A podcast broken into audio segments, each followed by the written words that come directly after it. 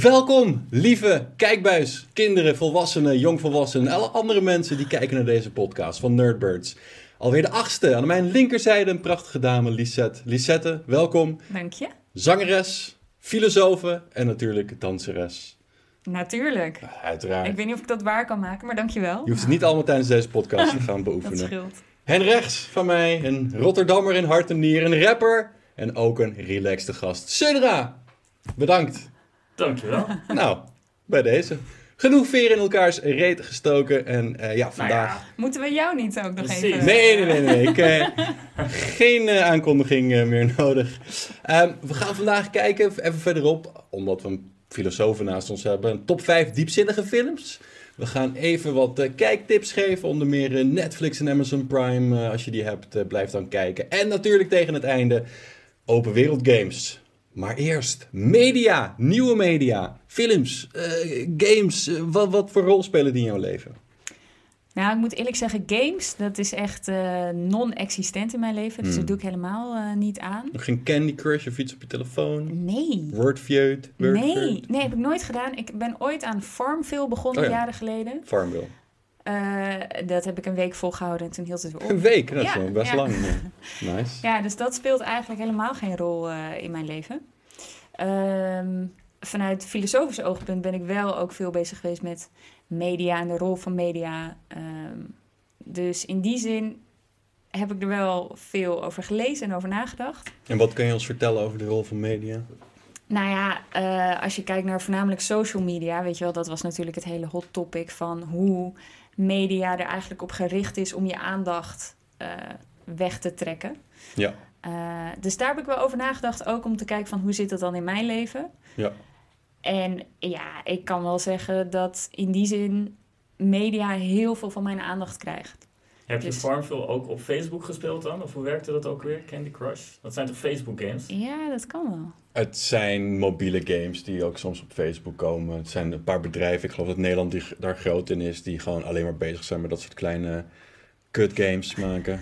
Sorry, not sorry. Ehm, maar eh, wat ik wel interessant vind is, je gaf ook aan dat het eigenlijk een soort escapisme voor je is. Dus je bent meer into entertainment.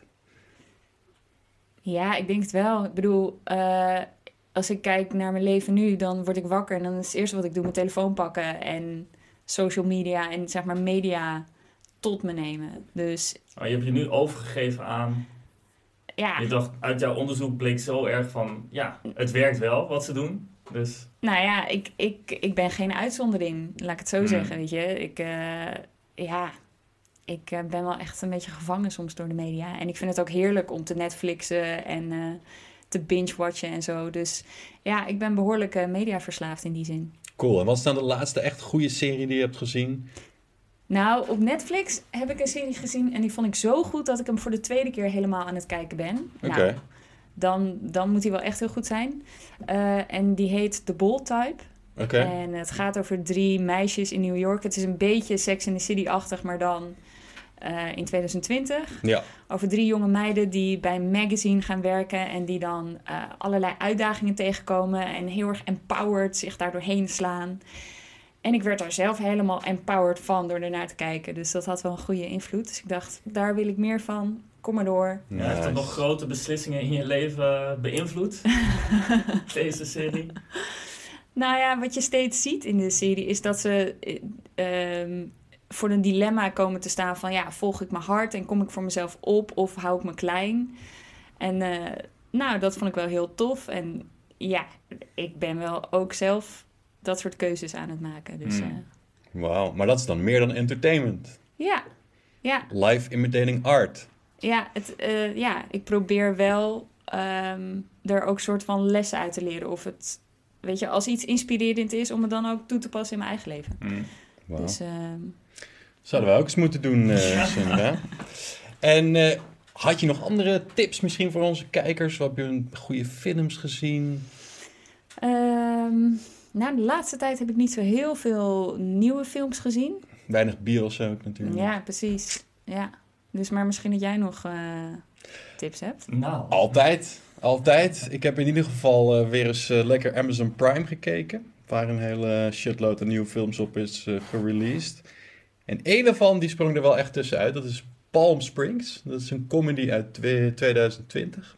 Met, en die ken misschien wel, Andy Samberg, eh, de hoofdpersoon van Brooklyn Nine-Nine. En eh, J.K. Simmons, die een paar jaar geleden voor Whiplash een Oscar won. Het is eigenlijk een soort romantische comedy, maar dan met een twist. Eh, ik, ik, ja, de klassieker Groundhog Day moest ik meteen aan eh, terugdenken, omdat de hoofdpersoon, daar kom je al vrij snel achter, die is eigenlijk vast in een tijdloop van één dag. En dat is nou precies de dag waarop eh, zijn ehm, schoonzusje gaat trouwen. Ehm, en daarop wordt hij dan weer verliefd op, op haar zus. Dus het is, eh, het is eh, heel grappig hoe dat allemaal samenkomt. En dat meisje waar hij dan op verliefd wordt, die komt ook samen met hem in die tijdlus vast te zitten. En ja, wat ik al zei, het is echt een hele vrolijke, maar ook een beetje absurdistische comedy. Ja, Die- wel een beetje in de trant van... Andy is natuurlijk eh, vooral bekend van zijn werk met, eh, hoe heet eh, die gast ook weer? Eh, fuck, ja, dan moet je wel een naam weten natuurlijk. Geen idee. Nee, Goed echt verhaal. niet. Nee. Eh, bijvoorbeeld I'm on a Boat. eh, ah, die Zach Galifianakis bedoel je of zo? Nee, nee, nee, maar je hebt, je gewoon zo'n comedygroep, zeg maar, waar hij... Oh, van natuurlijk. was. Hij is bekend van Saturday Night Live. Ja, precies. En Ja, zij ja, heeft dus ja. ook een aantal films gemaakt eh, Ja. over die ene stunt, dat hij eh, stuntman is. Ja, ja, ik weet wat je zo, bedoelt. dat soort absurdisme. Is Ja. dat ook... Nee, het is, het is dus niet echt heel erg absurdistisch in die zin. Het is vooral heel erg grappig dat je dan eh, een film hebt die gaat over een klassiek film iets, namelijk een vastzitten in een tijdlus. Maar dan zich daarvan heel erg bewust is. Ook de hele tijd verwijzingen heeft naar andere films waarin dat gebeurt, zoals Groundhog Day, eh, Edge of Tomorrow. En ehm, ja, dat in 2020 dat nog steeds interessa- interessant kan zijn eh, voor de kijker. Dat vind ik wel eh, uniek. Het was ook eh, een film die op Sundance, dus wat echt een heel erg nou ja, artistiek filmfestival is. Daar had hij zijn debuut. En het is de best verdienende Sundance film ooit. Dus daarna was hij weer gereleased en men vond dat heel erg leuk. Hulu pikte het op en nu kunnen wij dankzij Amazon Prime dat allemaal zien. Nice. Dus check it out. Ehm, En heeft deze film ook dan nog belangrijke keuzes in jouw leven beïnvloed? Nee, dat niet. Ik denk dat dat eh, toch heel lang geleden is dat een film dat eh, heeft gedaan. Wat ik wel altijd heb als ik naar films kijk, is dat ik dan weer de baan wil gaan doen of zo, die er in die film zich afspeelt. Dus als ik een film zie over een geheim agent of zo, dan wil ik toch wel zeker een paar dagen James Bond worden. Ah, ja. Maar goed, hoe ouder eh, je wordt, eh, hoe, mi- hoe minder dat, eh, dat is inderdaad. Maar wat was hier de baan dan? Zijn baan was eh, ja, vastzitten in een tijdlus. Hij had letterlijk zijn zijn Hawaii-shirt aan en een korte broek. En in het begin dacht je van, hé, iedereen is zo netjes gekleed tijdens die bruiloft. Waarom zit hij zo? Maar dat bleek dus omdat hij al zo lang daarin vast zat. En hij wilde zich gewoon gemakkelijk voelen. Hmm. Dus ehm, ja, het is, echt, het is echt een hele grappige, ook een best wel gewelddadige film. J.K. Simmons die, eh, heeft op een gegeven moment ook een eh, kruisboog waar hij hem mee achtervolgt. Want J.K. Simmons is de andere gast die vastzit in de tijdlus, maar die heeft er helemaal geen zin in. Dus die is heel boos op die jongen. Hoe dan ook, dat kan je zien. En als je zin hebt in iets serieuzers, dan kun je ook kijken naar eh, One Night in Miami. Dat is een eh, eh, film die voor drie Oscars is genomineerd. En die gaat over een fictieve ontmoeting van Malcolm X, Sam Cooke, Muhammad Ali en Jim Oh, Brown Ja, ja, ja. natuurlijk allemaal black eh, ja, heroes zijn. En in deze film daadwerkelijk met elkaar een ontmoeting hebben, wat in het echt natuurlijk nooit zo is geweest. En dan, dan je er toch wat dingen. Hè? Sam Cooke is eh, wat eh, ja, liberaler. Eh, Malcolm X die wil echt dat alle zwarten eigenlijk een, een, een voorbeeld zijn voor andere zwarten. En Sam Cooke heeft zoiets van, ja, laat mij maar gewoon muziek maken. Mohammed Ali, altijd leuk om naar te kijken. En ja, dus als je zin hebt in iets... Weet je zeker dat dit pure fictie is? Want het staat me bij dat deze mensen elkaar sowieso allemaal kenden. En dat zij wel een keer bij elkaar zijn gekomen voor een bepaald evenement. Nou ja, als je de IMDb trivia moet geloven, wat ik in ieder geval eh, altijd eh, doorlees, Mm. wa- waren ze nooit met elkaar, hebben Malcolm X en Sam Cooke elkaar nooit ontmoet. Hmm. En Sam Cooke die werd ook doodgeschoten, geloof ik, voordat eh, die, een van die anderen überhaupt bekend was. Maar ja, wel grappig hoe een film dan weer dat soort di- dingen kan verkennen. Ja. En daar ja, toch wel leuke film van kan maken. Maar wilde je na deze film dan liever bokser worden? Activist? Ja, Zanger? hele goede vraag. En die laatste was voetbalplayer. Dat was ook de Mm. enige die nog leefde van het geheel. Nou, niks. Een acteur misschien. Dat is, eh, dat is. Dat kan elke film. Daarom. Ehm, goed. Dat wat betreft eh, onze kijktips. En dan, om Lisette helemaal weg te jagen, heb ik nog een game tip. Eh, want ja, je zei al, eh, ik ik game heel weinig. Nou, ik game, eh, dat mag de kijker verbazen, ja, wel redelijk veel. En als je heel veel zin hebt om te gamen, maar weinig geld, dan heb je tegenwoordig Game Pass bij, bij Microsoft, een soort Netflix voor films. En eh, daar heb ik sinds kort het spel Octopath Traveler.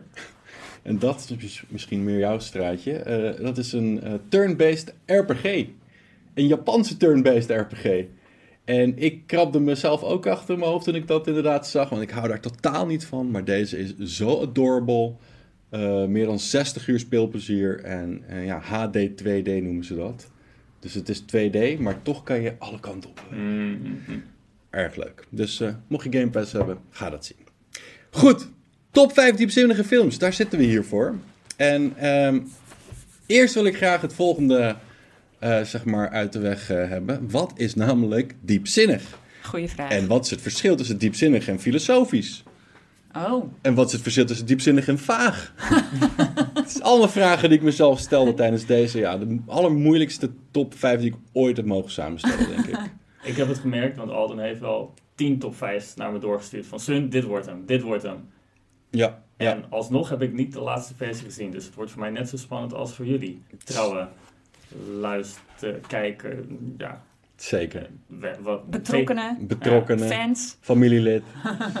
Abonneer je, duimpje omhoog als je dit leuk vindt. Maar wij gaan nu eerst van eh, Lisette horen wat het verschil is tussen diepzinnig of vaag. Ja, goede vraag. Ja, misschien zijn ze ook wel synoniem aan elkaar. Eh, ik zat er zelf ook over na te denken. Ik was ook bezig met mijn top 5. Toen dacht ik, ja, ik heb er wel een soort van gevoel bij, bij diepzinnig. Maar wat bedoelen we daar nou eigenlijk precies mee?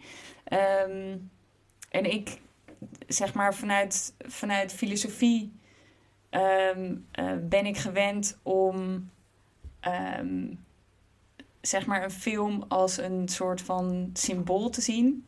Ja, Dus je hebt metafoor. Een, een- precies, het is een metafoor. En eh, als het goed is, raakt het iets in je. Zeg maar, verwijst het naar je of doet het iets met je.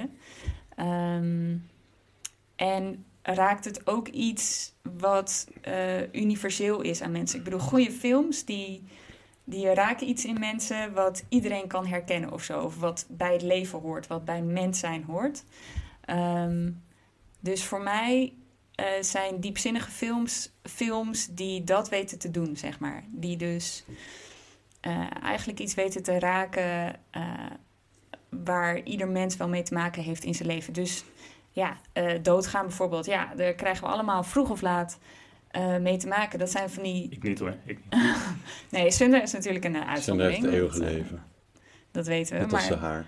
die existentiële vragen, weet je wel, over leven en dood, Hmm. over eh, wat is liefde of zo. Als je dat zeg maar op een goede manier weet te raken met de film, dan Hmm. nou, vind ik wel behoorlijk diepzinnig. Nee, het is grappig, want inderdaad, eh, ik heb er ook over nagedacht. Ik ben tot een hele andere conclusie gekomen, namelijk dat eh, ieder geval het verschil tussen diepzinnig en filosofisch. Bij diepzinnig is het meer vrij voor interpretatie en zet je je aan het denken.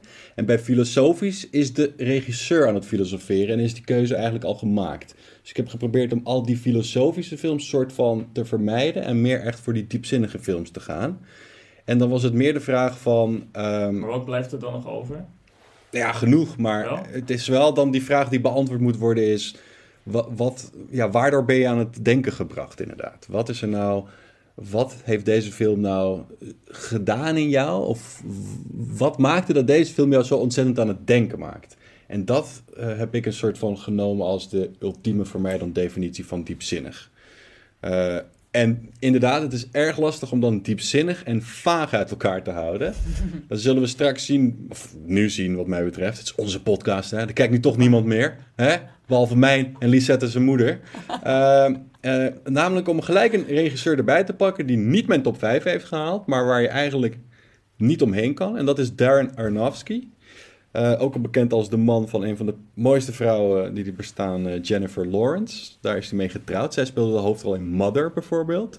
Maar hij heeft ook de film The Fountain gemaakt, Pi. En zijn bekendste film Requiem for a Dream is dan weer niet zo diepzinnig. Ehm ken, je, ken je Darren Aronofsky? Mm, nee, Geen van de films die Alden Ja, opnoemde? it rings a bell, maar Ja. vaag. Nou, deze man die eh, maakt eigenlijk... Alden? geluidstechnisch. Oh, pardon. Deze man maakte eigenlijk... Ik, was, ik werd er een beetje zenuwachtig van dat ze nog niks had gezien. Deze man maakt de Komt meest... iets heel spannends.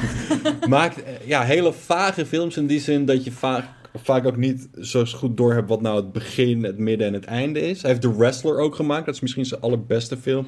Maar die is dan weer ja, ook niet zo heel diepzinnig. Maar bijvoorbeeld Pi, Pi, Pi, zijn debuut gaat over een ehm, wiskundeprofessor die de hele tijd bezig is met het getal pi.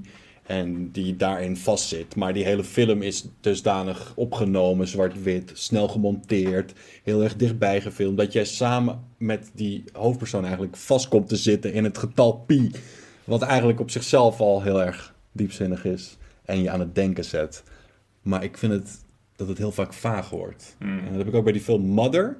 eh, waarin eigenlijk hetgene wat je ziet een soort synoniem. Daar hebben we weer metaforisch voor de natuur. En hoe wij als mensen omgaan met de natuur. En hoe we dat kapot maken. En in die film reduceert Darren Aronofsky dat tot een huis.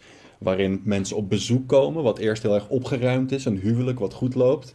En door die mensen, door dat bezoek, heel erg in de war komt te zitten. En daarna ook het hele huis eigenlijk een onderdeel wordt van de film. En helemaal krankzinnig wordt.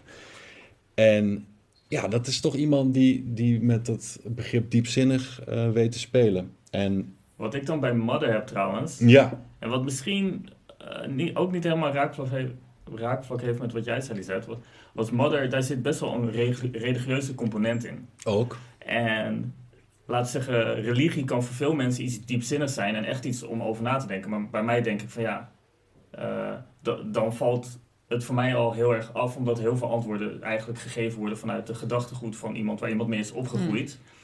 Ehm, dus op Mother zou een fantastische film kunnen zijn, maar inderdaad, de diepzinnigheid valt bij mij weg, omdat het vanuit ja, een heel erg bekend kader en ook al uitgekoud natuurlijk, want natuurlijk over religie kan je heel lang nadenken en de vragen des levens komen zeker omhoog, maar zeg maar de bakens waar, waar vanuit gedacht wordt, waarvan de verklaring komt, die is al duizenden jaren lang Ja. voorgekoud. Dus dat is misschien eh, Ik begrijp wat je bedoelt. Het is ook geen toeval dat Darren Aronofsky ook zijn grootste big budget film die hij maakte was Noah met Russell Crowe. Wat natuurlijk gaat over Noah uit de Bijbel.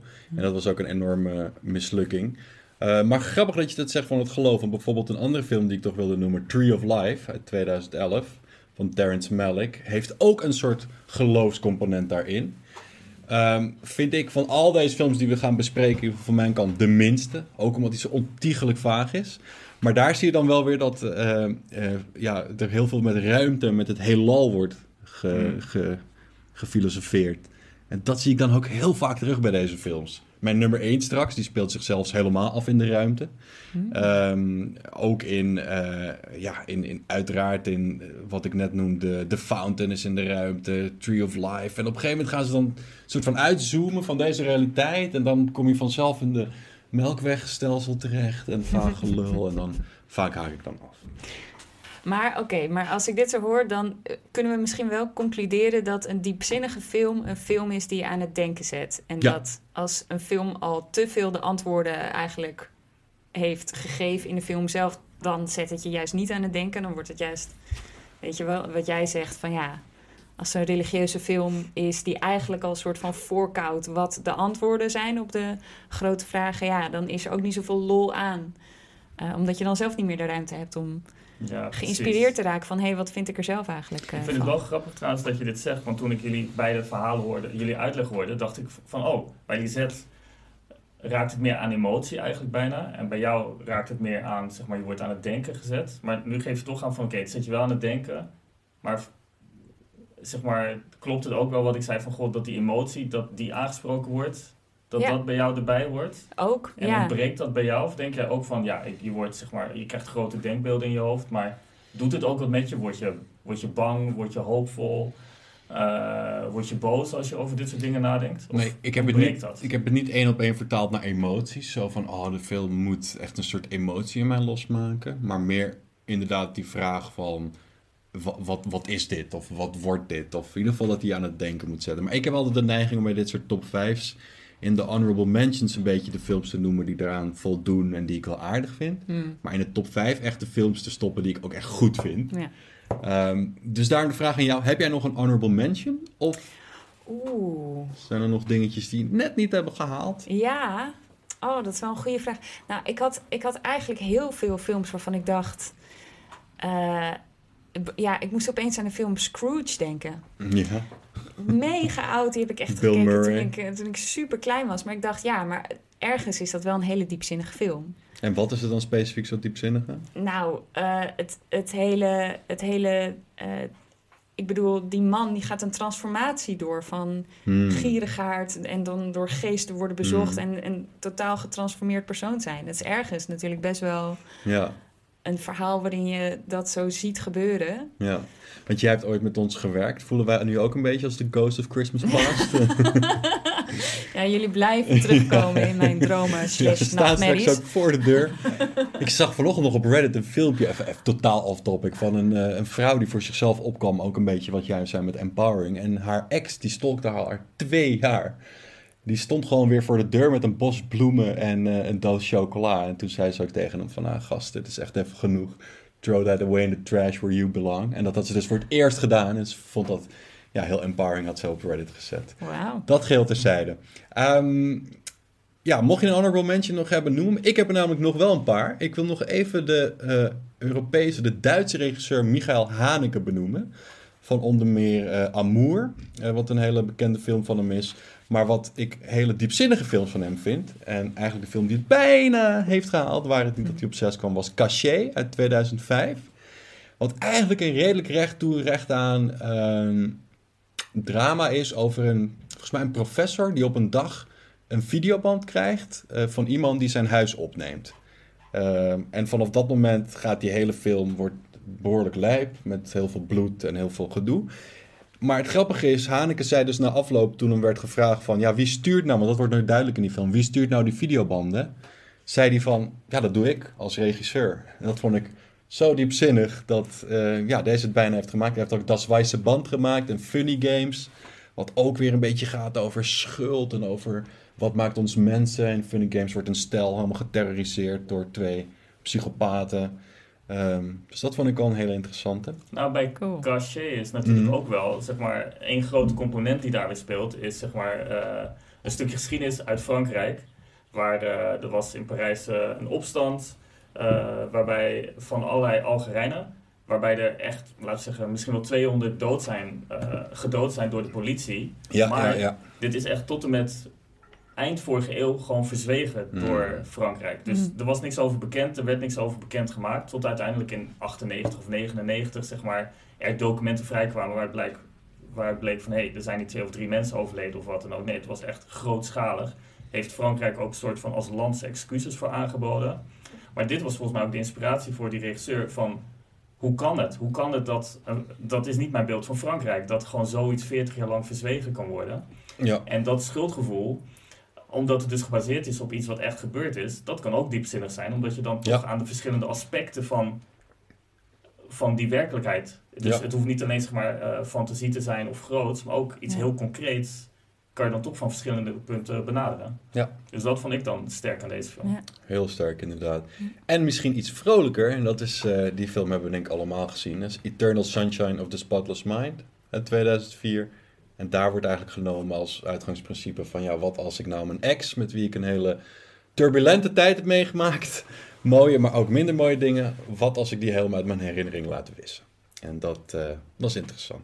En de laatste die ik wil noemen, dan hou ik echt mijn smoel, dat is Stalker van Andrei Tarkovsky, de meest bekende Russische regisseur. En ja, ook die film is weer ontzettend diepzinnig in die zin van dat je afvraagt, wat gebeurt hier nou? Is dit nou vaag? Is dit filosofisch?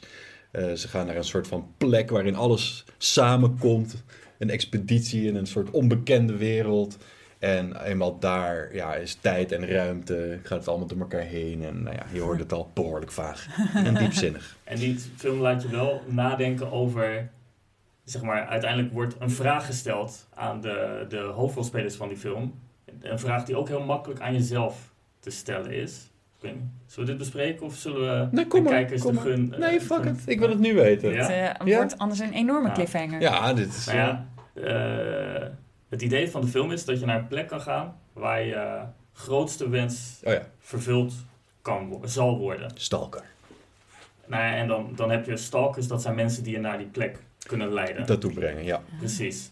Ehm, waarbij uiteindelijk de vraag is, want jij loopt erheen met dan, denk, dit, dit is mijn wens, dit is mijn wens, ik wilde, maar is dat daadwerkelijk jouw diepste, grootste wens? Ja. Uh, Ja. dus, en dat is natuurlijk ook een vraag die je zelf kan stellen van, ik streef iets na, maar is dit echt, is dit echt wat diep binnen me Ja. zit, wat, wat werkelijkheid wil worden? Ja. En die mensen komen dan, die staan ervoor en die moeten echt heel hard gaan nadenken. Want ze- er komt dan ook nog een verhaal naar boven dat eh, iemand, van iemand die eerder daar is geweest, die een hele andere eh, wens waarheid heeft zien worden dan waarvan hij dacht dat Hmm. hij erop afliep. Ja. ja. Dus eh, zeker iets wat je aan jezelf kan gaan laten twijfelen. Ja. Diepzinnig. Goed, heb je nog een eh, honorable mention? Of zeg je van, Nee. eh, we beginnen met de top 5? Ja, We gaan namelijk traditiegetrouw beginnen met, eh, met eh, nummer 5. Straks mag jij nummer 1 doen, maar je hebt al zo lang gezwegen. Ga jij maar eens met de nummer 5 beginnen. ja, nou dat wil ik ook heel graag, want dat sluit hier heel mooi op aan. Ehm, mijn eh, eh, film die op eh, nummer 5 staat is Mr. Nobody. En ehm, eh, die film is helemaal gebaseerd op het principe van de keuzes die je maakt in je leven. En die film laat zien. Het is een soort van gedachte-experiment waarin ze laten zien van oké, we gaan alle scenario's laten zien. Dus je ziet een klein jongetje dat opgroeit en zijn ouders gaan uit elkaar. Zijn moeder stapt op de trein en zijn vader blijft op het perron staan en hij moet kiezen. Ga je met je vader mee of ga je met je moeder mee? Nou, dat is voor een kind natuurlijk een soort van onmogelijke keuze. Eh, Ja. En die film laat gewoon helemaal zien hoe zijn leven verloopt als hij met zijn moeder meegaat. eh, tot aan studeren, trouwen, het hele gebeuren. En hoe het eruit ziet als hij met zijn vader meegaat. Mm. Eh, en dat laat je dus heel erg nadenken over het, de impact van keuzes die Hm. je maakt. Ik moest hier, dit is een side note, moest ook even denken aan de butterfly effect, want dat gaat Ja. ook een beetje hierover. Zeker. Dus het hele thema, en ook vanuit de filosofie gezien, is de, de- het domein van de ethiek houdt zich ook alleen maar bezig met dit soort vraagstukken.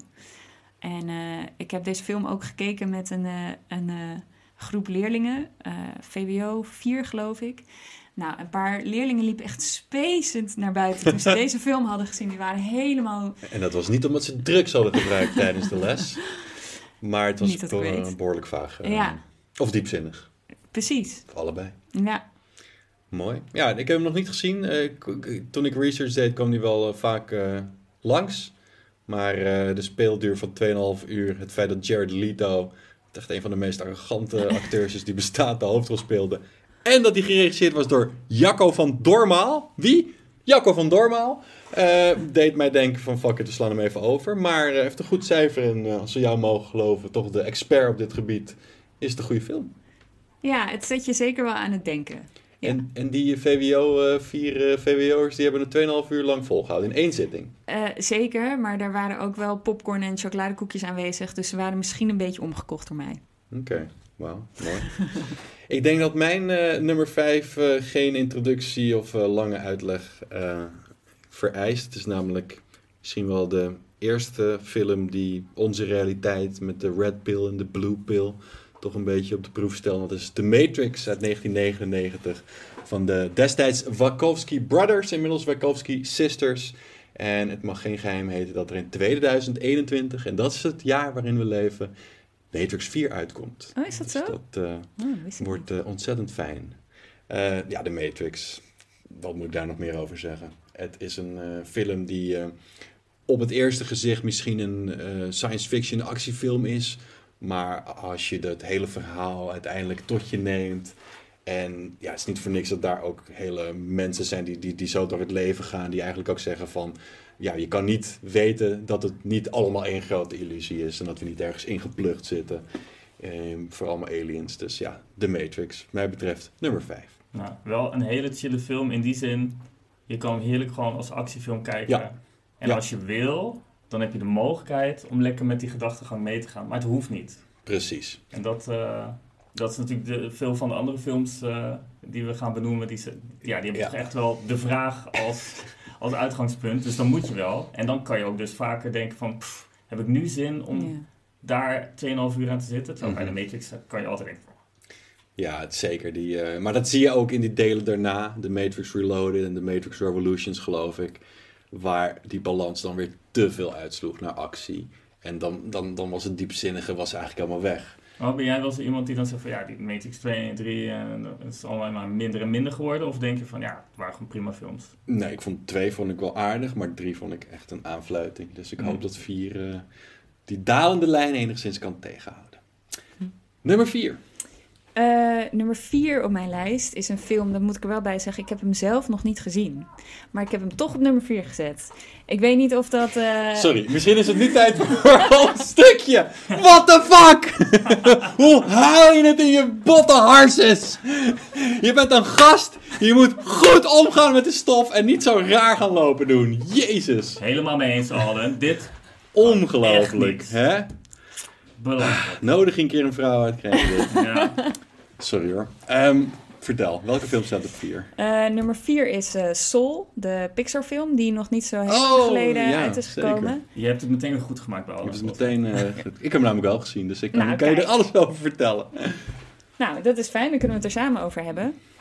Maar het hele thema dat je een film maakt die gaat over eh, dat er meer is eh, dan wat we hier zeg maar met onze zintuigen waarnemen op aarde. En eh, dat er een ziel is, wat natuurlijk het hele lichaam-geest-probleem in de filosofie ook weergeeft. Ja, Ehm, maar dat is niet uniek. Dat was bij Ghost of zo, was dat ook al. Dat is natuurlijk ja, een maar thema. ik, ja, maar ik vind als je dat op zo'n speelse manier en op zo'n Ja. positieve manier ook weer kan geven als in deze film. Ja, dat is waar. Dat vind ik heel tof. En dan is het ook niet zo vaag en problematisch, waar je dan vaak terecht in komt als je het Mhm. over dit soort dingen ziel eh Ja, het is gaat licht, hebben. lichtzinnig. eh, Ja. Ja, Ja, ja zeker keuze. natuurlijk ook een film die ook een jong publiek zal hebben. Ja, Zeker. En dan, dus inderdaad, je had het net over VWO 4, maar wat als je het over, eh weet ik veel. VWO 3 hebt. Ja, of, of, of VWO 2. maar ik wou, ik wou iets over groep 7 of 8 Ah, zeggen, want dat zijn ook kinderen die dit zullen zien, neem ik aan. Ja. Hoe, ja, ik ben best wel benieuwd wat zij dan zouden zeggen. Of, zij dan, of dan die spark al bij hun komt van... Wow, er is meer om over na te denken dan eh, Pokémon en... eh, eh, wat doen ze tegenwoordig? Huis van? Anubis. ah, ja. Nou ja, mijn ervaring met, met eh, filosoferen met kinderen is dat, dat ze juist heel erg openstaan voor al dit soort thema's en erover nadenken. En dat dat heel automatisch gebeurt. Hmm. Maar heb je En ook dat- ervaring met basisschoolkinderen? Ja, dus een jaar of negen, tien, oké. elf. Ja, Ja. ja. en die, die zijn hier helemaal vol van. Het voelt voor hen eigenlijk... ehm, die fantasiewereld is nog zo groot dat ze hier heel makkelijk over na kunnen denken. Mm. En juist als ze dan wat ouder worden en in de puberteit komen, dan worden ze stoer en dan denken ze hier ook minder over na. En dan zijn ze Ja. gewoon meer gefocust met gewoon eh, populair zijn en zo. Ja, precies. Ja. Maar dan is het alleen maar goed dat ze dus daarvoor nog in ieder geval een paar van die film, deze soort films eh, kunnen zien om, om, om zo lang mogelijk de, de, hoe heet dat, de kantlijnen die hun leven binnendringen, zeg maar, een beetje vaag te houden. Ja. Ja. Ja, Nee, eh. we hadden het net over vaag als van, hè, een beetje Mm. vervelend, maar vaag is eigenlijk prima. Vaag is goed. Vaag is oké. Als je kijkt, vaag, Alleen te vaag, door. daar houden we niet van. ah, Te vaag, even een andere podcast alles waar opzoeken. te voor staat is slecht. Precies. Behalve te snel internet. Ik zweer je, jongens, denk er nog eens diep over na en dan kom je erachter dat dit de enige uitzondering is. Nou, Diepzinnig. waar je ook eh, snel internet voor nodig hebt, is mijn eh, nummertje 4. Dat is namelijk eh, Her uit 2013 van Spike Jones. En deze kwam ineens gisteravond nadat ik al tientallen titels door had genomen als een donderslag bij heldere hemel. Ik dacht van, ten eerste, het is een moderne klassieker. Het is echt een ontzettend goede film. Ik geloof dat Joaquin Phoenix er of een Oscar-nominatie of een Oscar voor kreeg. Een fantastische acteur. En dan dat verhaal dat je dus een relatie aangaat met een artificiële intelligentie. Eh, In dit geval een computerstem, eh, Scarlett Johansson. Later pas ingesproken. In eerste instantie was het iemand anders die de stem deed. Maar in de post-production dachten ze nee, we hebben Scarlett Johansson nodig. En die speelt, want het is alleen haar stem, fantastisch. En wat er eigenlijk gebeurt in die film, die man, ik geloof dat hij ook een soort ICT'er is, eh, die wordt helemaal verliefd daarop. En zo erg zelfs dat hij de rest van het, van het leven, zeg maar, echte eh, interacties eh, links laat liggen. En ja, dat, dat, dat is zo intrigerend, zo diepzinnig. En het einde, wat ik hier niet zal verklappen, geheel tegen de regels in, maar ik verklap hem niet. die zet je nog eens extra aan het denken. Het is fantastisch opgenomen, een goede film. En met recht mijn nummer 4, Her. Cool. Ja, helemaal mee eens. Nummertje 3. Nou, mijn nummer drie is ehm, eh, een Franse film. Ook al best wel oud. Ergens in de jaren negentig, geloof ik. Oui, oui. Eh, La Haine. La haine. La Haine, en Eh, en- Jazeker, de haat. De haat, inderdaad. Eh, 95 alweer, ook zwart-wit. Ah ja. Ja. Ja, ik wilde deze film er toch ook bij hebben, omdat ik in mijn top 5 graag ook een film wilde opnemen die. Frans was, Nou, dat ook. Daar heb ik inderdaad ook wel Ja. een voorliefde voor. snap ik. Maar eh, die eigenlijk ook over eh, nou, geweld gaat en over eh, conflict tussen mensen en tussen groepen. En Ja. nou ja, je ziet daar ook de, de, de Franse politie en dus de jongelui uit de banlieue Ja, en eh, ja. wat er allemaal gebeurt. Ook culturele conflicten, toch? De, Ja. ja, zeg maar de Algerijnen Ja. en eh, de autochtone Fransen. ja, ze kunnen niet alleen goed voetballen, Zinedine Zidane, maar ook... eh, ja, het staat me ook erg bij van deze film dat het ontzettend ruw en realistisch portret is. Ja. Maar wat is er nou zo diepzinnig aan? Nou, eh, het zette mij heel erg aan het denken. Eh, kijk, als je het vergelijkt met de film Soul bijvoorbeeld, dan gaat het juist heel erg over een soort van. eh, we zijn meer dan alleen de persoonlijkheid die we hebben en de, de culturele groep waar we bij horen. En in La N wordt er juist dus het tegenovergestelde heel erg belicht. Van ja, en we leven dus in een wereld waarin er van alles gebeurt. En waarin mensen elkaar dus niet weten te vinden en clashen, zeg maar. Ehm, dus dat vond ik wel interessant om, om te zien hoe dat, dan, hoe dat dan gebeurt. En als je zeg maar hier... Dit is even de filosofische gedachtegang die je hierop los kan laten. Ehm, als je dan eh, gaat kijken van... eh, als je de gedachtegang volgt van alles wat zich buiten mij afspeelt vindt binnenin me plaats. Zoals we eigenlijk een beetje bij de Matrix zien. En bij Her misschien op een bepaalde manier ook wel, zou je kunnen zeggen. Ja, zeker. Als je met dat perspectief dan naar deze film gaat kijken... dan kan je jezelf ook de vraag stellen van... oh ja, eh, in hoeverre eh, eh, worstel ik met dingen in mezelf... die ik niet met elkaar kan verenigen. Dus als ik dan die film kijk... met welke groep identificeer ik me... en welke groep vind ik helemaal kut, weet je wel... Ik zie die politiemannen en ik vind ze helemaal kut. En Hmm. Ehm, wat kan ik daarvan leren? Zit er misschien ook zo'n soort van, ehm, hoe noem je dat? Type in mij? Of dat, zit Hmm. dat gedrag ook in mij? Ja, wat me vooral nog bijstaat van La Haine is inderdaad dat het niet zo duidelijk meer is wie er good guys en wie de bad guys zijn. Dus ja, de drugscriminelen of de politie, ze hanteren allemaal dezelfde soort van spelletjes om verder te komen in het leven. En dat zou inderdaad dan weer tegenovergestelde zijn van inderdaad zo'n film als Soul, waarbij je dan min of meer bezig bent met alles wat er tussen hemel en aarde is. En bij La Haine zeggen ze eigenlijk nee, dit is de, eh, dit is de aarde en daar is het heel erg afhankelijk van in welke groep je zit, ehm, hoe jouw blik op het leven is en, en ja, hoe de buitenwereld jou bekijkt. Want ja, inderdaad, voor ons is een crimineel is, is erg en een agent is positief. Maar het kan maar van een paar dingen afhangen in welke groep je terechtkomt en wat voor omgeving je terechtkomt. En ja, hele interessante keuze. Ehm, ik zou hem zelf niet hebben gekozen omdat hij behoorlijk ook weer rauw en realistisch is. Maar ik begrijp deze, deze redenatie des te meer. Dus eh, het is maar goed dat we een, eh, een academicus in ons midden hebben. Ja, precies. En ik snap hem ook wel inderdaad, want laat zeggen, bij diepzinnige films ga je meestal breed kijken en, en over veel dingen nadenken. Maar binnen zo'n beeld wordt het makkelijk om zeg maar te, te denkbeeldig te worden en de realiteit uit het hoofd te verliezen. Maar elk Ja. beeld dat je bedenkt in de grootheid moet, zeg maar, elk punt in de realiteit moet daarin voor kunnen komen. Ja. Dus dan is het makkelijk van, oh ja, groot en ziel en universum. Maar ook zo'n eh, conflict als wat in de N eh, voorkomt, moet daarin passen. Ja. Dus je moet heel scherp zijn inderdaad. Ja. Dat, eh, dat bevalt, denk ik wel. Zeker. Waar je ook scherp voor moet zijn, is eh, mijn nummertje drie. Ehm, dat is namelijk een psychologische horror avant la lettre. En dat is eh, Persona van Ingmar Bergman. Ehm, ik weet niet of jullie Ingmar Bergman kennen. Dat was in ieder geval een hele bekende Zweedse regisseur. Ehm, die eh, onder meer de Seventh Seal maakte. Ehm, ook zo'n dramafilm die heel bekend was. Eh, God mag weten wat het allemaal is. Maar Persona is een film die na... Ja, het komt uit 66, wat is het? 40, 50, 54 jaar nog steeds als een huis staat. Je kan hem ook gewoon eens zien op YouTube. Het is inmiddels allemaal verjaard, dus je kan het, eh, je kan het checken. En ja, het verhaal, daar gaan we al, is eigenlijk eh, lastig te vatten. Ehm, ik heb even Wikipedia erbij gepakt, eh, maar ik snap het nog steeds niet. Het gaat er in ieder geval over dat een eh, zuster ehm, in een soort psychiatrische inrichting een nieuwe patiënt krijgt. En die twee, daar gaat zich een soort spel mee afspelen.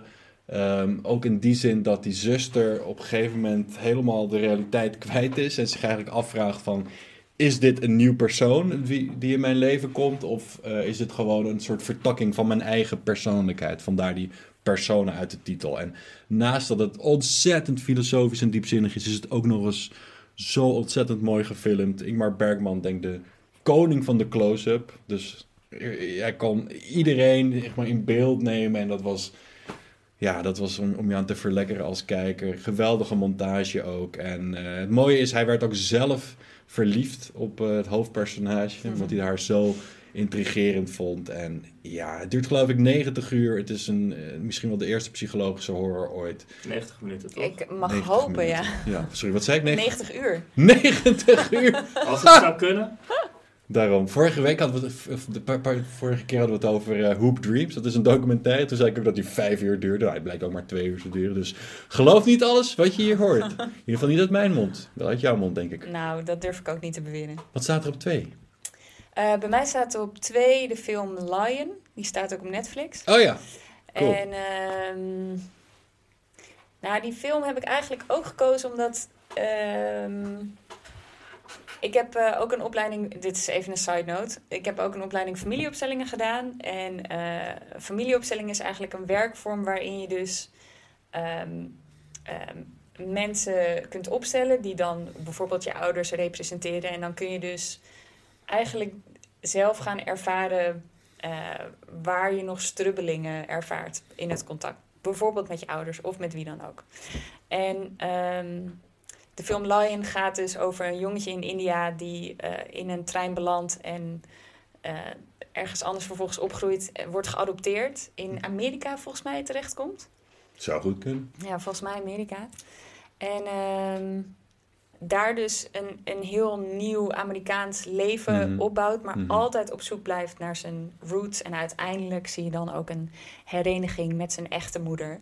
Oh. En ehm, dat is iets wat ik in familieopstellingen ook vaak zie. Dus eh, soms eh, doe ik ook opstellingen waarbij je dan ehm, iemand hebt die geadopteerd is en die eigenlijk in zijn leven de hele tijd blijft zitten met een gevoel van I don't belong of zo. Of wat zijn mijn roots en Ja. wie ben ik nou eigenlijk? Dus Ja. een hele existentiële crisis. Zeker. Nature versus nurture natuurlijk ook. Ja, ook dat komt er ook bij kijken. En ehm, als je dan in zo'n opstelling, zeg maar, de biologische ouders en de adoptieouders kunt neerzetten. En dat zo'n kind dan kan zien van, oh wacht, wow, ik heb eigenlijk gewoon twee sets ouders. Dus Hmm. eigenlijk heel veel mensen die om me geven. En dat diegene ook kan zien van, oh ja, maar ehm, dat die twee partijen ook met elkaar verzoend kunnen worden, weet je wel. Ja. Dus dat de adoptieouders blij zijn met het feit dat ze een kind hebben gekregen wat ze kunnen verzorgen. En dat eh, de echte biologische ouders blij zijn dat er mensen zijn die voor hun kind hebben gezorgd. Ehm, dat kan heel veel doen voor zo'n kind wat dan geadopteerd is. En ik vond in deze film vond ik het zo tof om te zien. ehm, nou ja, dat iemand tot dat punt komt, dat wordt ook in die film dan wel weergegeven. Eh, en dat iemand dus ook een soort van ja, weer de verschillende delen in zichzelf, dus roots en zijn huidige leven, soort van kan verzoenen. Dus, ehm, en het is mooi, mooi eh, en dramatisch weergegeven allemaal. Mm. Dus, eh, Nice. ja. Lion. Ik heb nog wel een grap over een lion. Hebben we daar tijd voor? Fuck it, we doen hem gewoon, hè. Gaan we hem doen? We gaan hem gewoon doen. Ik heb deze grap al zo vaak verteld. A man and a giraffe walk into a bar. They both get completely wasted. So at the end of the evening, the giraffe falls down with his head flat on the table. So the bartender walks up to the man and he says, Oi, you can't leave that lion there. And the man says, It's not a lion, it's a giraffe. Top grap. Wacht even hoor, ik moet er even over nadenken. Ondertussen ga ik rustig verder met mijn nummertje 2. Want ook de koning van de mysteriefilm kan eigenlijk niet ontbreken in deze top 5. En dat is David Lynch. En zijn, ja, is natuurlijk bekend van Twin Peaks, ehm, van Blue Velvet. Maar zijn meest intrigerende, diepzinnige film vind ik nog altijd Mulholland Drive uit 2001. Ook met recht een van mijn lievelingsfilms. Een film die ik misschien wel, I don't know, vijf keer heb gezien. En waar ik nog steeds niet 100% snap waar het over gaat. Er wel steeds beter in wordt. Ehm, Naomi Watts speelt erin. Zij speelt eigenlijk een actrice die naar Hollywood gaat. En ergens gaandeweg raakt ze haar onschuld daarin kwijt. En dan hebben we een tweede actrice die eh, speelt, waarin zij in de film een lesbische relatie meekrijgt. Maar wat eigenlijk een soort van representatie is van haarzelf. En ehm, ach, werkelijk waar, uh, David Lynch is sowieso iemand die zijn werk heel erg vol stopt met aanwijzingen. Dus als je het echt gaat analyseren. Ik bedoel, de man is echt zo ver dat als je een, weet ik, van een rode achtergrond zit, ziet, dan dat het synoniem staat voor de droomwereld. En dan weer. En als je dat allemaal erbij neemt, hè, je, dat hele boekwerk en dan ga je de film kijken, ja, dan, dan snap je het misschien wel. Maar um, ook zonder dat te hebben gezien, ja, het is een film die zoveel vragen oproept. Um, Eén scène daarin, die wil ik toch nog even vertellen, is misschien de meest enge scène die ik ooit heb gezien. Dat is gewoon een, een tussendoor scène. Twee personages die verder niet in die film te, ja, terugkomen. De ene is een psychiater, de andere is een psychiatrisch patiënt. Ze zitten in een diner, zo'n Amerikaanse, goed belichte, gezellige diner waar je hamburgers eet en, en uh, milkshakes drinkt. En die man vertelt dus tegen zijn psychiater over een droom die hij heeft. Dat hij precies in diezelfde diner zit en dan naar buiten loopt. En daar wacht een enorm monster. En die psychiater zegt natuurlijk van ja, dat is helemaal niet waar en laat maar zien. En, en ze lopen inderdaad naar buiten en je voelt het al, het onheilspellende. Het wordt uh, gefilmd vanuit eerste persoon en inderdaad aan het einde van die scène verschijnt daar een enorm monster. Nou, dat alleen al uh, vond ik zo angstaanjagend dat je dus... Uh, je hebt dus niet eens donker of, of, of, of weet je wel, of, of hoe noem je dat, van die cutscenes nodig. Hoe noem je dat nou als je schrikt? Ja, jumpscares. Jumpscares nodig. Je kan hem gewoon filmen in een diner met allemaal mensen eromheen. Maar de manier waarop je het vertelt en filmt, uh, zorgt ervoor dat het gewoon doodeng is. En dat zette mij aan het denken. En dat zette mij ook aan het niet slapen. Dus Mulholland Drive. Hij was genomineerd voor een Oscar voor beste regie. Zijn allerlaatste, 20 jaar geleden. David Lynch. Als je kijkt, als je nog leeft, maak in godsnaam nog een film. Sorry hoor, ik moest er even uit. Maar ik moet wel zeggen, David Lynch is typisch voor mij iemand, een prachtige filmmaker. Weet je, hij kan heel veel qua techniek en alles, maar wat jij zegt over hij heeft allemaal aanwijzingen. Ik geloof nooit dat, zeg maar, dat hij een coherent, coherent verhaal erachter heeft. Dus hij zet, en volgens mij is dat ook nooit per se de bedoeling van hem. Zeg maar, hij geeft je dingetjes om over na te denken. Ja. Maar maar jij hebt dus echt het gevoel, want jij hebt deze film nu meerdere malen gezien, dat er inderdaad wel een coherent gedachtegoed dit bij elkaar houdt. Weet je wat het is met Lynch? Lynch kan emoties vertalen naar een scène. Uh, dromen vertalen naar een scène. Onderliggende angsten vertalen naar een scène. En als je dat niet... Uh, sommige personages zijn emoties. Uh, in Lost Highway heb je bijvoorbeeld een een, man die dan besluit zijn vrouw uh, te vermoorden. En die, die hele gedachte is extern gevangen in een personage in die film. Die naar de hoofdpersoon toe gaat en hem eigenlijk aanbiedt om zijn vrouw te vermoorden voor hem. Nou, dat soort dingen, dat gaat gewoon heel diep. En ik, ja, ik beweer ook niet dat ik alles snap uh, van David Lynch, maar... Nee, maar puur Mulholland Drive, toch? Je hebt hem een paar ja. keer gezien en ja. jij hebt nu wel een gevoel van, oké, okay, alles valt in elkaar. Nou, nee, dat, dat, dat zou, okay. dat, zou, nee dat, zou, dat zou een beetje als, als je de relativiteitstheorie of zo uh, gaat uitleggen, nou, uh, of, of de string theory, dat je dan zegt, ah, ik snap het allemaal. Het gaat, het gaat echt heel diep. Ik zie een beetje de contouren, maar nee, het is voornamelijk heel diepzinnig. En daarom met recht de twee in onze top 5 meest diepzinnige films. En nu voordat uh, jij de nummer 1 noemt, zal ik hem noemen. Want dan kan jij eindigen. En dan krijg ik geen gezeik van deze kant. Want ik krijg altijd uh, kritiek. Lisette, wat vind jij? Het is toch zeg maar... Een feest. Leuker om zeg maar met de gast op ja. nummer 1 te eindigen. Tuurlijk. Toch? Dan is de verrassing voor ons. Daarom. Eh, Ja, hier moet een, hier jij moet een bent keuze worden Ja, gemaakt. keuzes. hier keuzes. naartoe gekomen, weet je, voor deze podcast. Het is Ja. ook een beetje de eervolle plek natuurlijk om als laatste dan in de spotlight te staan. Vind ik ook. Vind ik 100%. En daarom ga ik snel mijn nummer 1 geven. Dat is namelijk die film die zich volledig in de ruimte afspeelt. Gaat over het ontstaan van de mensheid, maar ook over de toekomst van de mensheid. Stanley Kubrick, Kubrick, Stanley Kubrick 2001 A Space Odyssey. Dat is voor mij toch echt de meest Heb je gewoon een hekel Aan? Rocky? Ja, ik denk het wel, ja. Waarom staat Rocky nooit bij jou in de top 5? Ik vind Rocky gewoon een hele middelmatige film. Ja, sorry dat ik het zeg. God damn it, Alden. Dit is toch fucking bullshit? Rocky is de beste film ooit gemaakt. Ja, Heb je die zeker. soundtrack nooit gehoord? Nee, nee. Adrian! Alleen maar kots.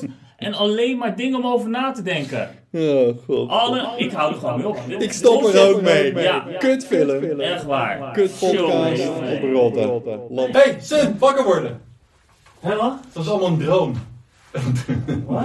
Het was een droom. Oh, oh. Net als onze liefdeslevens. Het Gelukkig. een droom. Goed. Genoeg over, eh, genoeg over, eh, over, over dit. Want er kan er maar één de beste zijn. En dat is welke film? De meest diepzinnige film aller tijden? Nou, mijn meest diepzinnige film aller tijden en mijn lievelingsfilm überhaupt is de film Stealing Beauty. Echt? Is dat je lievelingsfilm Dat is aller mijn tijden? lievelingsfilm, Oh, ja. Dat is schattig. Ja, Nooit gezien, maar eh, het ziet er eh, schattig uit. het is, nou ja, daarom is het ook wel echt een aanrader. Hij is ook verder niet zo heel bekend, heb ik het idee. En Nee. inmiddels ook best wel oud. Ook niet zo heel hoog aangeschreven, 6,6 op IMDb. Eh, ja, Maar daar kan je over nadenken. Daar kan je heel diepzinnig. Is die echt zo slecht? Nee! Nee, die is helemaal niet slecht. En het is, het is verder, het is niet een hele diepzinnige film per se. Dus het is niet op die manier ingestoken. Het is gewoon een verhaal van een meisje en ze is 19. Ze zit helemaal in haar ontwikkeling en haar ontluikende volwassenheid. En zij gaat eh, vanuit Amerika op bezoek bij haar. ehm, bij eh, vrienden van haar vader in Italië. En er is al wel vaker geweest. En nou goed, en ze heeft daar ooit een, een, eh, soort van fling gehad. Of een jongen die ze leuk vond. Nou, En je ziet dat ze zo aan het, aan het... Het is echt een coming-of-age film ook. Mhm. Je ziet dat ze zo aan het worstelen is met, eh, met zichzelf en eh, met de liefde. Ehm, en ook met het vraagstuk wie nou haar vader is. Want eh, ze heeft uitgevonden dat haar moeder ergens in een notitieboekje er iets over heeft geschreven. De moeder is overleden.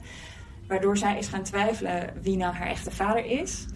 Ehm, en naast het feit dat de setting in Italië gewoon echt heerlijk is om naar te kijken. Dat is super fijn.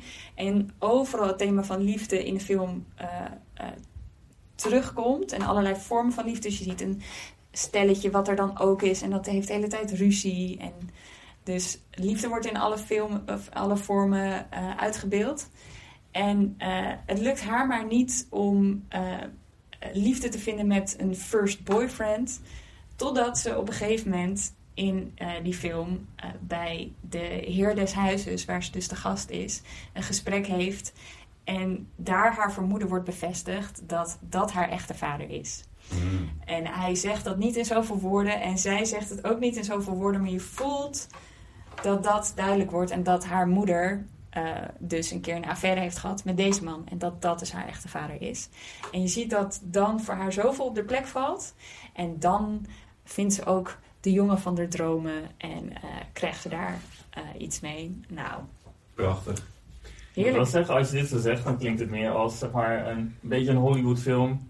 Waar wel wat dingen gebeuren, maar uiteindelijk valt alles op zijn plek terecht. Ja. Maar blijkbaar is dus de struggle naar zeg maar, de happy end toch wel re- redelijk lang. Of gaat dusdanig diep dat jij er wel langer bij stil hebt gestaan. Ja, ja. Wat zijn dan de vragen die bij jou opkwamen? Ehm, eh, wat voor mij in deze film eh, eh, speelt en ook wordt uitgebeeld is ehm, eh, het vraagstuk van eh, kun je pas, even groot gezegd, kun je pas gelukkig worden op het moment dat je weet wie je bent. En je ziet bij haar dat ze gewoon niet goed weet wie ze is, omdat ze niet weet wie de vader is. Mhm. Dus haar hele identiteit is zeg maar een beetje eh, nog aan het eh, vormen en ze is Mhm. daar heel erg naar op zoek. En het, het lijkt in deze film alsof ze op het moment dat ze zichzelf heeft gevonden, door te weten waar ze vandaan komt en alle familiegeheimen zeg maar, aan het licht zijn gekomen, eh, alsof ze dan pas ook het werkelijke geluk vindt.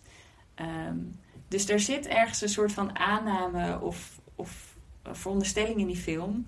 Ehm, ja, dat je pas zeg maar je volle potentie kan leven op het moment dat je je eigen issues onder ogen bent gekomen. Ja, Nou, Anne, dat is slecht nieuws voor ons. zeker slecht nieuws.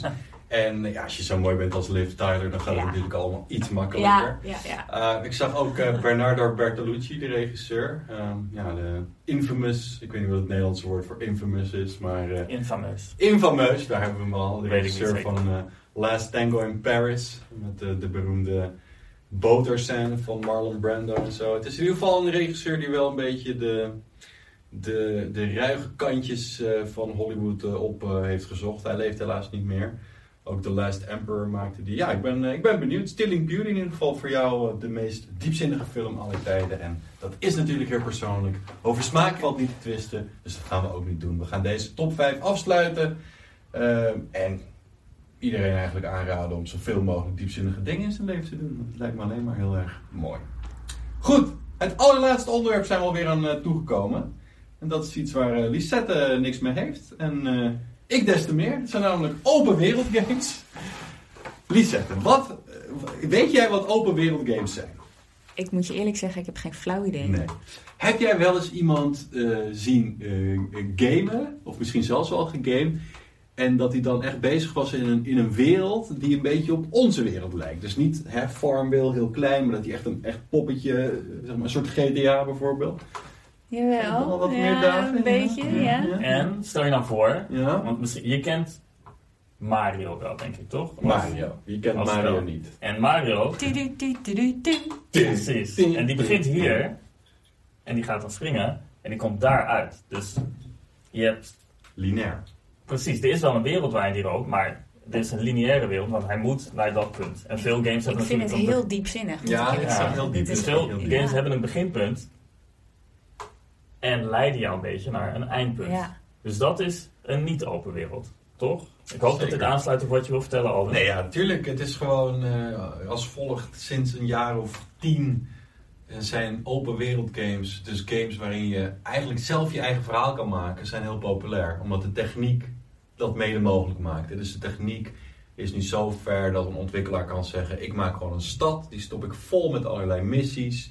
En het hoeft niet allemaal één verhaal te zijn dat je doorloopt. Sterker nog, jij als gamer, dat escapisme waar jij het over had, die kan bepalen hoe die dat verhaal afloopt. En dat is het allermooiste, dat je dus het gevoel hebt van ik maak mijn eigen verhaal in een wereld helemaal als gevolg van mijn eigen keuzes.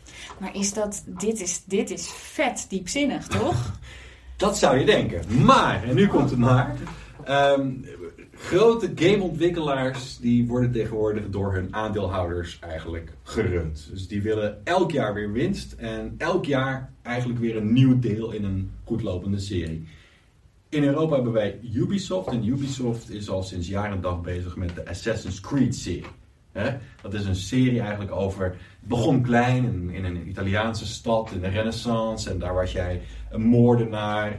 Eh, assassin uit de titel. Dat was nog een heel ander diepzinnig verhaal. En het werd steeds groter en groter. En dan kon, kon je op een gegeven moment in Parijs kon je dat doen. Dan kon je het weer in, in Londen doen. En nu zijn we inmiddels zover dat we eh, in Assassin's Creed Valhalla zijn beland.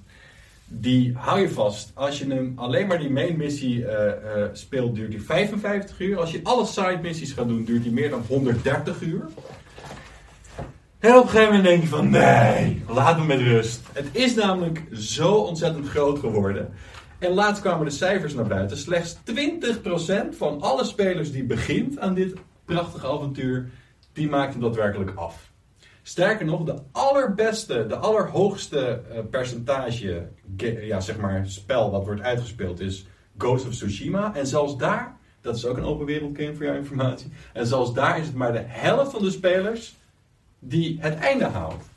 Dus eigenlijk is mijn vraag, eh, eh, die open wereld games, mo- moeten we dat wel willen met z'n allen?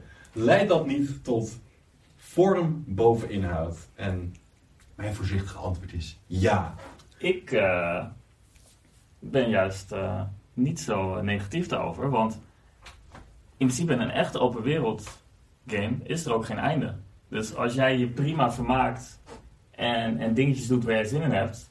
En dan denk je, ja, dat einde, dat is er wel, maar waarom zou ik daarheen moeten?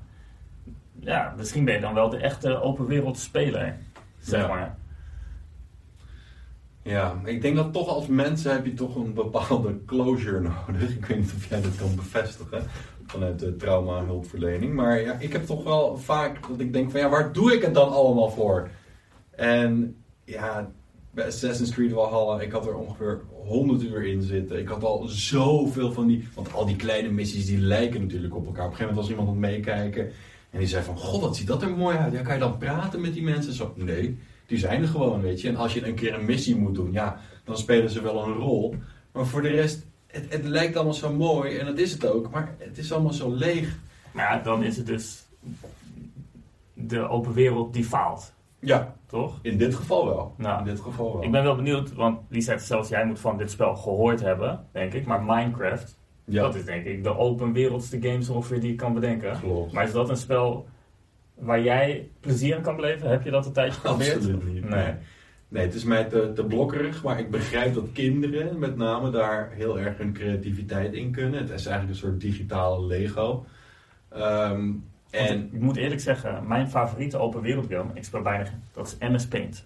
MS Paint. Daar Je heb hebt ik gewoon een muis, een leeg vlak en je kan Hm? alles maken wat je wil. Ja, nou, ik denk dat Assassin's Creed Valhalla ietsjes beter is dan MS Paint eh, verhaaltechnisch. Maar man, man, man, man, man, wat heb ik toch een hoop ergernis gehad tijdens het spelen van deze game. Ook omdat er zoveel in gebla bla bla wordt. Dat je denkt van, waar gaat het over? En Maar waar, waar, wat is het idee erachter? Is het idee erachter dat je dus zeg maar challenges oplost en dat dat je dan een goed gevoel geeft? Er is altijd wel een verhaal. Er is, zoals in Valhalla is, er- ben jij een personage, een, ik geloof een Deense of Noorse viking, die dan niet genoeg heeft aan zijn eigen koude vikingenland en dan maar de oversteek maakt naar Engeland. En daar gaat een hele wereld over. En wat je dan eigenlijk doet in Engeland is provincie naar provincie toe gaan om daar degene die daar de baas speelt te verslaan en dan weer je rijk steeds iets verder uit te bouwen. Oké, Dat is dus de gedachte. dus dat je macht vergaart Eigenlijk gaat het om macht inderdaad, intrige, ehm, het vermoorden van inderdaad mensen die bij die grote complottenorder hangen. Nou, dat is allemaal eeuwenoud. Elke Assassin's Creed speler kan dit bevestigen. Maar waar Assassin's Creed vroeger een redelijk compact eh, hoofdverhaal had, waarin je duidelijk hè, het goede en het kwade van elkaar kan onderscheiden, is het nu door de techniek zo groot geworden dat je op elke straathoek is er wel iets kleins te doen. Of een, een of ander klein gesprek te houden. Maar daardoor is het overkoepelende verhaal is gewoon niet meer leuk. En waarom het me extra pijn doet, is omdat ik deze eh, op nummer 5 had in mijn top 5 beste games. Wat eigenlijk een flater is. Eh, want hoe verder en hoe langer het doorgaat, hoe minder ja, belangrijk het wordt. Hoe meer het eigenlijk een soort ja, losse vlodder. En dat, dat vind ik erg jammer, want het ziet er prachtig uit. Als ik het zo aan zou zetten hier, zou je denken van... Mijn god, hoe hebben ze dat voor elkaar gekregen? Elk grassprietje beweegt afzonderlijk. De zon schijnt, je hoort de vogels fluiten. Maar ja, wat kun je er uiteindelijk mee?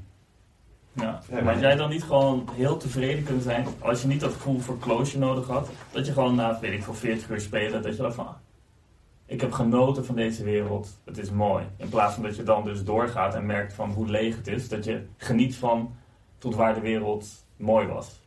Had gekund, maar omdat ze de progressie zo aanmoedigen en belonen. Elk van die verschillende werelden waar ik het over had, heeft weer een hogere moeilijkheidsgraad met moeilijkere mannetjes. Dus wat ga je doen? Je gaat die kleinere mannetjes verslaan. Daardoor word je beter en sterker en ga je naar de volgende wereld. Kun je dat weer aan. En daar begint het hele gedoe weer van vooraf aan.